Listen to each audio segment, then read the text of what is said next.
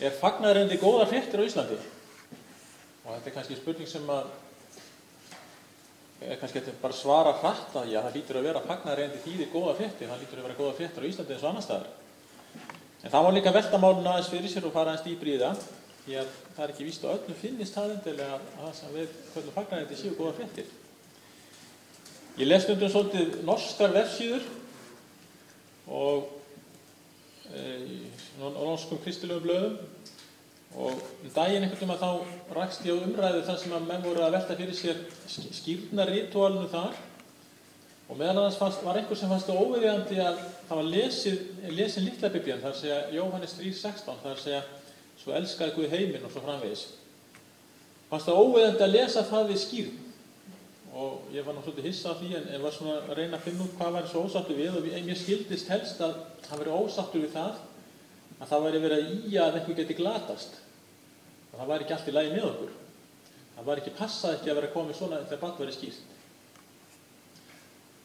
Og ég hugsa með mér en þetta er einmitt það sem er sjálft fagnarreyndir þetta það að Guð hann elskaði svo mikið. Guð sem hefur skapað okkur Guð sem er allt í öllu, hann, þó að við höfum brot gegn honum, þá, þá hefur hann ekki snúið sér gegn okkur, heldur elska hann okkur svo mikið að hann var tilbúin til að senda svonsinn til að deyja og krossi fyrir okkar syndir. Til þess að við sem trúum á hann glötumst ekki heldur höfum eilitt líf. Þetta er fagnarendið og mér finnst þetta mjög gleðilegt, en það er ekki reynilegt að það finnst ekki öllum. Og Páll Pósturinn hann skrifa líka um það þegar hann er að skrifa til kordumann að, að það er, svumum finnst það heimska og, og öðrum neyksli og spurningin þessi, hvað er fagnaröndi? Er það bara heimska? Er það neykslanlegt? Eða er það kraftu Guðs?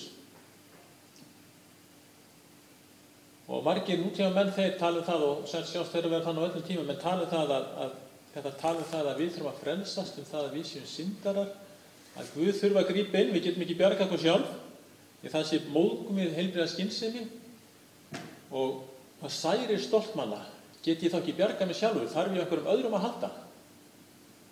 Þannig að þessi spurning þó að manni finnst það svona í hljótu bræði að þetta hljóta að vera augljóst að fagnættis í góða fréttar á Íslandi, þá er það kannski ekki alveg svona einfalt. Pál Posturi, hann var einhverju sinni stattur í aðhennu Hann hafði þurft að flýja úr tveim borgum og, og fara með skyndingu í burtu og, og var komið til aðfennu. Og meðan hann beigð eftir samfélagmennu sínum þá gekk hann um borgina.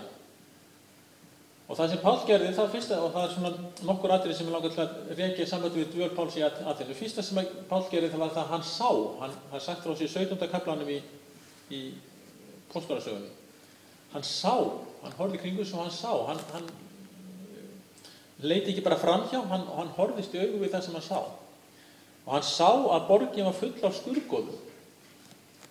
Þessi borg sem var svona mörgulegt svo glæsileg og þessi gríska menning sem er svona mörgulegt svo merkileg og margt glæsilegt og flott aðna.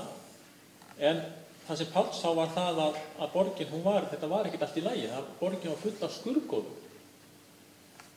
Og það er að þenni kannski ekki eina borgin sem er full af skurgóðum, það er, það þarf kannski ekki að horfa langt til þess að sjá það að menn eru uppteknir að ýmsu öðru en Guði almáttugum og, og því sem er hónilega dýrðar. Menn eru uppteknir því að tilbyggja og dyrka margt annað heldur en, heldur en ein, ein, ein, heilag og mikla Guð. Og þetta orkaði þannig á Pála þetta ollónu mikil skapru. Það stendur að hann hafi, hann hafi e, já, þetta ollónu skaprun að, að sjá öll þessi allir þessi skurgoð. Og svo getum við veltið ykkur hversna var, hversna var eh, fekk þetta svona pál, hvað var, hversna þurr tókan þessu svona þungt. Og ef við lesum bæðið samhengið og, og það sem við vitum annað pál, þá getum við eða gett okkur það hugulönd og það er nokkuð ljóst að það vegna þess að Pál sá það að Guð var ekki tilbeðin. Það var það svona fjall þungt fyrst og fremst. Það var það að Guð sem var svo mikill og Pál þjónaði og, og, og trúði svo innilega á og Pál þráði það að hann hefði þekktur um allan heim og allir myndi tilbyði hann og hann sá það í þessari borg þar voru menn að hugsa á öðrum nótum og horfa annað og Guð var ekki tilbeðin hérna og það fjall honum þund. Það var honum mikilir skaprun. Nú það sem gerðist næst er það að Páll hann létt ekki þar við sitja, heldur fóra hann þáka sem fólki var. Hann fóra að stað. Og það eru nefndir svona kannski tveira þrý staðir sem hann fóra á. Hann fór í fyrsta, fyrsta leið fór í samkunduna, samkundu hús gýðingar. Það var nú þar sem var bæði gýðingar sem átt að þekka hinn eina svona Guð og einnig guðrækilegir heiðingar eða þeir sem vildu kynast Guði. Það gæti verið að þeir vildu hlusta á hann og, og heyra hver Jésús var og, og heyra hvað Jésús hafi gert fyrir þá og, og hver Guð var og heyra fagnærendir. Og hann fór líka á torgið. Á torginu þá, þar koma ymsir, það er svona, eða svona tilfallandi hverju koma þar, en það er bísna margi sem koma þar og miklu fleiri sem koma á torgið heldur en í, í hérna, samkvönduhúsið. Og svo er þriðalegi þá hitt hann líka heimsbygginga. Hann hitti heimsbygginga, hann hitti stóumenn og hann hitti epikúringa og hann rætti við þá líka. Þegar Páll hann vildi að ná til allra, hann vildi að allir sem hann hitti vildi, vildi hann að heyrði fagnarend og fengi að kynast Jésu. Og þessu laug nú þannig þegar hann hitti epikúringana og, og stóumennina að, þeir tók hann með sér og fengi hann til að útskýra málsitt og útskýra trú sína. Og Pál gerði það og hann talaði um Guð sem hefði skapað heiminn, sem hefði viðheld í heiminum og hefði áallinu mennina og líka það að mennin hefði, hefði horfið frá þessum Guði og, og Guð sem elskaði á, hann myndi, hann hefði sendt mann til að deyja, eða hann hefði sendt mann sem myndi, hann talaði um ekki heim dómur, en sá sem að myndi dæma heiminn væri sá sem að hefði risið frá döðum. Og þegar það var komið að, að hann nefndi upprisu döðra, þá gerur sumi gíðs á aðri hægt að hlusta en það voru líka nokkur sem tóku trú Pál hann sveikst ekki undan því að bóða nexti krossins og það er kannski það sem er mikilvægt og er mikilvægt, það er það að við þurfum að bóða fagnæði, hvert fagnæði er og við getum ekki, það er eitt sem við komast ekki undan, það er ímist nexli eða ímist þess að fólk nexlast á sem það þarf ekki að nexlast á, sem þetta er Kristófi Það getur nexlast á hvernig við kristi fólk hegðum okkur, hvaða skoðana við höfum og, og ímið, það er ímislegt hjá okkur kristi fólki sem það getur nexlast á. Það getur líka nexlast á sögunni, það getur nexlast á ímsu sem hefur gerst. Það getur líka nexlast bara fyrir einhvern miskilning. Það er eitthvað sem heldur einhverja eigin, þeirra einhverja þeirra eigin hugmyndir sem heldur að sé kristi dómur eða heldur að þannig sé kristi fólk og svo nexlast það, þó að það sé miskilningur. Þannig að það er ímislegt sem fólk getur nexlast á.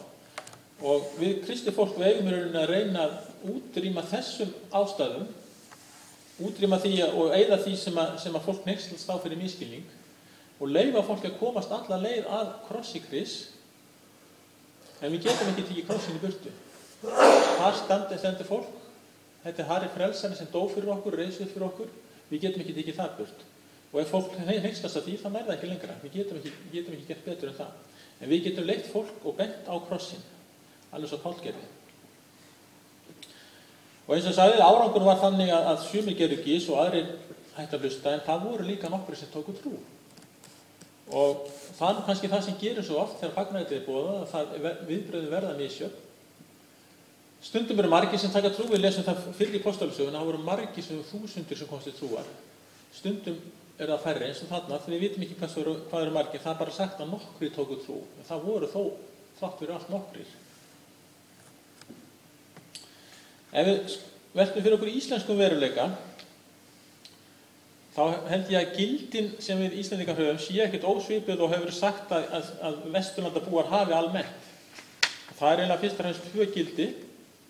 Það er að segja að hafa nóg af öllu, hafa nóg og kannski vel nóg og svo kannski spurning hvernig maður skilgrinni hvað er nóg oft er það nú skilgrinn að hafa nóg, hvað er nóg, nóg er aðeins meiri ég hef En það er semst þetta að ég hafi nóg og við þurfum ekki að, ekki að, mér að skorta neitt og einhvern veginn ég þurfum ekki, bara kannski líka svolítið ég geti látið undan öllum löngunum mínum. Hafa nóg og fá að vera í fríði með það. Hafa nóg og fá að vera í fríði með það sem ég hef. Þessi ekki annar að ásælast eða að taka það að mér. Ég fá að vera í fríði og, og, hérna, og ég hafi nóg. Og það má kannski segja það líka að við erum upptekinn að því að njóta lífsins og ég held að við horfum bara nokkra áraði til tilbaka sjáum hvernig þjóðfélagi hefur breyst að það er ýmsið þættir í þjóðfélaginu sem eru benda til þess að við erum orðið miklu svona uppteknar af sjálfum okkur og miklu uppteknar við að njóta lífsins sjálf og við erum kannski orðin vissanlátt miklu mannmiðlægari heldur við höfum verið áður. Og það má kannski segja líka að Guð hann er ekki hávegum hafður hér á Íslandi. Nefna kannski á tillindögum. Það er eins og, eins og til dæmis við sjáum líka dæmið um það, við þurfum ekkert að, að hérna, horfa fram hjá því að, að, að Guð er ekki lengur velkomin í skólunum til dæmis. Og það er verið að íta Guði meir og meir út úr hennu ofnbæra rými. Vegna þess að hann passar ekki inn í það sem að mannmiðlega veruleika, þennan veruleika sem að margi vilja sjá og aðhyllast. Svo sjáum við líka að það eru alls konar lífstefnur sem njóta vinselda. Það er koma hérna e, til dæmis austranna stefnur og, og bara ymsa stefnur sem að fólk aðhyllist og, og, og þykir jákvæmt og gott og fólki líður vel með og það er aðalatrið að fólki getur látið sér líða vel með það. Og það má kannski líka segja það að, að fjölmenning er orðin svona skonar einhvers konar, ég líka að segja mantra eða einhvers konar, einhvers konar líkilorðu. Og það, það er eitthvað sem á að vera, það er eitthvað sem á að vera. Orðið fjölmenning það getur þýtt, eða get, það getur vakið tvennskonar hugsanir getur við sagt. Fjölmenning getur bara verið lýsing á ákveða ástandi þar sem fólk með mismöndi menningu kemur saman, mismöndi menningarhópar koma saman, hver hefur sína menningu og svo býr fólk saman og, og það þarf að læra einhvern veginn að lifa saman hver með sína menningu. Þetta er svona það sem getur sagt þessi lýsandi, eh, þessi fjölmenning sem lýsandi fyrirbæri. Það er bara að lýsa því sem er. Svo er hitt sem er svona einhvern veginn farið að verða æg algengara og, og hinskilningurinn að fjölmenning sé svona bara nána skilda. Það er þannig að það er að eiga allir að taka þátt í öllu. Það er eitthvað sem kemur inn og, og þá á maður bara að taka við því og ekkert að vera mótið því og, og fagna því og, þegar allir að að hræra öllu saman í eitt graut. Reyndar er held í fjölmenningu einhvað sem að stendst ekki til lengta, það verður að endan þannig að það verður einhver sem verður sterkari og, hefur yfirhönduna, en nú önnur saga. Í íslensku veruleiki eins og er, er svolítið þessi fjölmenning. Eitt í viðbót sem að einkennir íslenska veruleika, held ég, og ég þekki það kannski ekki mjög mikið, en það er þessi Facebook veruleiki. Það er það að hver er ég? Ég er sá sem að ég er á Facebook og fólk er að gefa, taka einhverja flotta myndir af sér, segja einhverja fallega sögur af sér. Nú er ég búinn að vera að vinna í gardinu með allan dag og, og hérna sólinn er búinn að skína og ég er búinn að byggja nýtt gróðurhús og, og þetta er allt svo flott hjá mér og, og svona sögur sem fólk segir og það er ég. Svo kannski ég er ekkert gróðurhús og það var rigning annar daginn og ég fór út í hálftíma og eitthvað svona. Það, það er aukaðatrið, það sem ég gerist á Facebook, það er það sem ég er. Og svo þólum við ekki lengur að heyra sannleikan og sjálf okkur. Við þólum, við, við þólum ekki heyra að við séum mísefnið. Það er, það er einhver sem þrýfast á því að fá likes á Facebook. Það var einhver sem var einhver brandarinn til hefðum daginn, mann ekki, like eitthvað, nei, mann ekki kann það ekki, það skilur ekki máli. En við, við þólum ekki að heyra að við séum mísefnið og við þólum alls ekki að heyra að við séum syndarar. Það er allt og djúft í árinu tekið. Þannig að þannig standar um málinn. Fyrir nokkrum árum þá kom út bók á Íslandi á sakfræðingur sem skrifa hana en þetta var nú svona einhvers konar spennusaga. Bakgrunnum var að sá að, að muslimar voru konir til valda á Íslandi og bara um allan heim eiginlega. Og ástæðan fyrir því að þeir voru konir til valda var svo að ef maður rétt að, að kristindómurinn, eða hann útskýrði það einhverju viðtælega að kristindómurinn bara var ekki nógu lífvænlegur. Hann sá fyrir sér að þetta, þetta væri bara stefnan. Og kannski horfði hann bara á kristindóminn á Vesturlöndum og, og kannski hafði hann einhverju rétt fyrir sér. Kristindómurinn á Vesturlöndum sem alltaf gefur eftir, ekki bara, ekki bara sem sagt það sem að mætti alveg gefa eftir, heldur líka gefur eftir trúalega, við, það er ekki svo mikið átt að búa fagnarvendi, það er ekki svo mikið hvað við erum og, og við förum jafnvel að blanda einhverjum öðrum, einhverju öðru inn í kristna trú til að við höldum verið seljanleiri og svo framvegis. Það er ekki lífæðilega með kristindómur. Og Páll hann mætti þessum tveimur stefnum, epikúringum og stóumönnum, en hann var alveg skýr í sinni afstöðu, hann var alveg skýraði hvert fagnarhendi væri. Epikúringar, þetta voru svona tveir anstæðir hópar, epikúringar og stóumenn. Epikúringar þeir voru menn sem töldu það að Guð, hann var eitthvað langt í burtu, hann hefði kannski skapað heiminn uppalega en hann væri ekkit, hann væri ekkit lengur að skipta sér af. og, og það var bara, markmiði var bara að njóta lífsins og, og fá það út úr lífinu sem maður gæti. Stofumenn hins vegar, þeir voru svona meira forlega trúa kannski, þeir voru tilbúinu til að þjást og bera þjáninguna með viðningu og, og hérna, lítur kannski á þjáninguna sem einhvers konar refsingu eða einhvers konar ja, einhver samhengi við, við örlög sín og, og, og reyndu kannski bara frekar að bera á með stóískri ró eins og sagt er. Og okkar dögum þá eru örgulega þessa stefnum líka, þetta eru svona stefnum sem kom alltaf og eru alltaf. Okkar dögum er guðleysi, það er bæði til svona lagt guðleysi og líka svona árásagjant guðleysi, en það er guðleysi og það er líka til forlega trú í ýmsum útgáfum. Þannig að þetta er svona það sem er svolítið í þjóðfélaginu í okkur, ekki kannski síður hjá, Pá, hjá Páli, að, hjá Páli þegar hann var í aðfinnum. Og bæði guðleysi og forlega trú, það sem er, maður hugsa sér að það getur verið rannmjöldun í jarlífið. Maður getur lífað hérna á jörðin og sagt, ok, það er ekki Guð. Og maður getur líka verið svona forlega trúar og, og, og látið það einhvern veginn leiða sig gennum lífið. En hvorugt gefur eilifa von? Hvorugt er mikið fagnæriðindi í rauninni þegar maður hugsa um það? En það er bara það að það er ekkert og er, það er vonlust og það er ekkert, maður getur ekki treyst að neitt. Það er ekki mikið fagnærendi. Á móti þessu kemur fagnærendi sem er svo raunverulegt fagnærendi. Fagnærendi um það að Guð, hann elskaði mennina, hann elskaði mennina, hann gaf svon sinn til þess að deyja á krossi svo að hver sem á hann trúir glatist ekki heldur hafa eili hlýr. Þetta er fagnærendi. Þetta er fagnærendi sem að Íslendingar nútímas fyrir að líka heyra. Og þá getum við spurt okkur, hvað getum við gert? Eða er eitthvað sem við getum gert? Og kannski getum við farið, reynd að fara svolítið í spórunast hálfkostula og byrja bara á því að sjá. Og þá getum við kannski byrjað á að sjá aðra, sjá, sjá það með augum Guðs, samt sem aður. Þegar horfum á það, sjá það samt með augum Guðs. Það eru margir sem eru rángri leið, það eru margir sem að þekki ekki fagnarandi, það er kannski einhver sem hafa hafnaði kannski sumir sem bara ítaði frá sína því þeir bara telli sér ekki ástæð til að, telli ekki ástæð til að hlusta á það, en þeir eru enga sér rángri leið, en jafnframt eru þeir elskar að Guði, það Guð elskar á samt. Og kannski eru þeir svolítið eins og týndi sonurinn sem er farinn og svo fer fadirinn á hverjum degi og gáir, er hann að koma aftur, kemur hann aftur, hann fyrir hverjum degi að skoða hvort hann kemur aftur. Og kannski eigum við að vera, já við eigum ábyggilega að vera þannig með Guð í líði ekki vera svo eldri sonurinn sem var bara full þegar þið komu. Eða eldri yngri sonurinn kom heldur við eigum að vera eins og með Guð í líði vera útkíkja til þeim sem er að snúa við og vil koma aftur. Og í öru lagi eins og Pál gerði leifa Guði að móta hugafár okkar. Hann var svona hann var hann skapraun að sjá hvernig ástandi var og, og, og kannski þarf Guð líka að komað inn hjá okkur að þetta er ekki lægi, þetta á að vera okkur skaprun.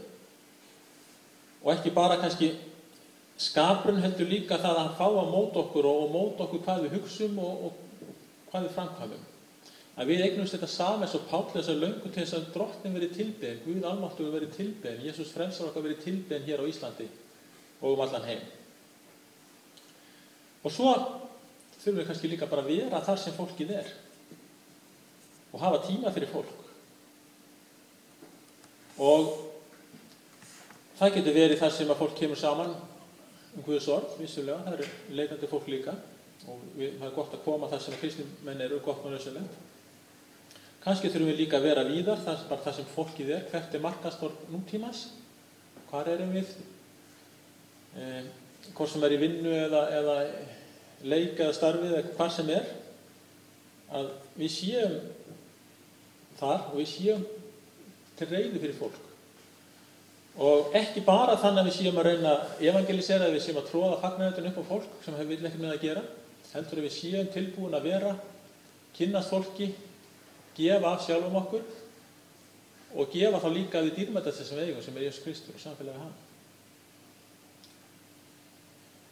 Og við þurfum að gefa fólki kost á því að neykslast á krossi Kris, sem ég nefndi áðan. Það, við þurfum eiginlega að leifa fólki að sjá kristindóminn, hjálpa því að íta tilbaka hindrunum sem að, íta til hliðar hindrunum sem að eiga ekki að vera og, og eru bara miskilningur og leiða þeim að koma alla leið að krossi Krist og, og þar geta svo tekið ákvörðum. Við getum ekki tekið ákvörðum fyrir neitt en við getum bent á Jésum og við getum reynt að útskýra og, og eigða miskilningi.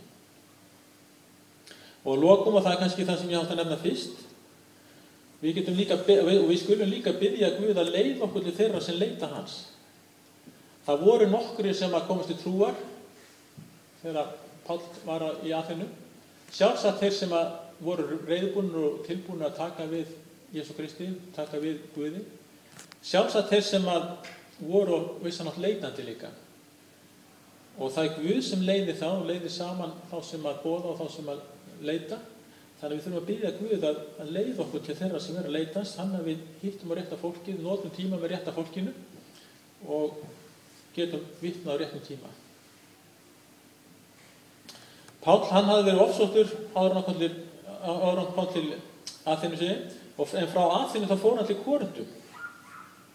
Og þar staldur hann við og var lengi og þegar hann var svona til það nýkomin, þá vitraðist honum sín og drottin sagði við hann að hann skildi vera rólegur og vera lengi þarna og ekki, ekki hafa ávegjur því að ég á margt fólk í þessari borg, sagði drottin við Pál, ég á margt fólk í þessari borg. Ég held að Guð eigi líka margt fólk á Íslandi, bæði fólk sem að trúir á hann, sem týnir honum, það eru margir þó að hinn er hann að herra, þá er það samt þannig að það eru margir sem að trú á Jésum Krist og margir sem týnir hann. En það eru líka nokkri og jafnvel margir sem eru leitandi og þurfa á því að halda að eitthvað komi til þeirra og, og bóðið að fagnæðandi og útskýri fagnæðandi eða greiði sundur skógin þetta og, íti burt miskilningum þannig að þið sjá hvert fagnæðandi er og getur tekið við því. Vegna þess að fagnæðandi það er góða fréttir og það, og það þarf að heyrast.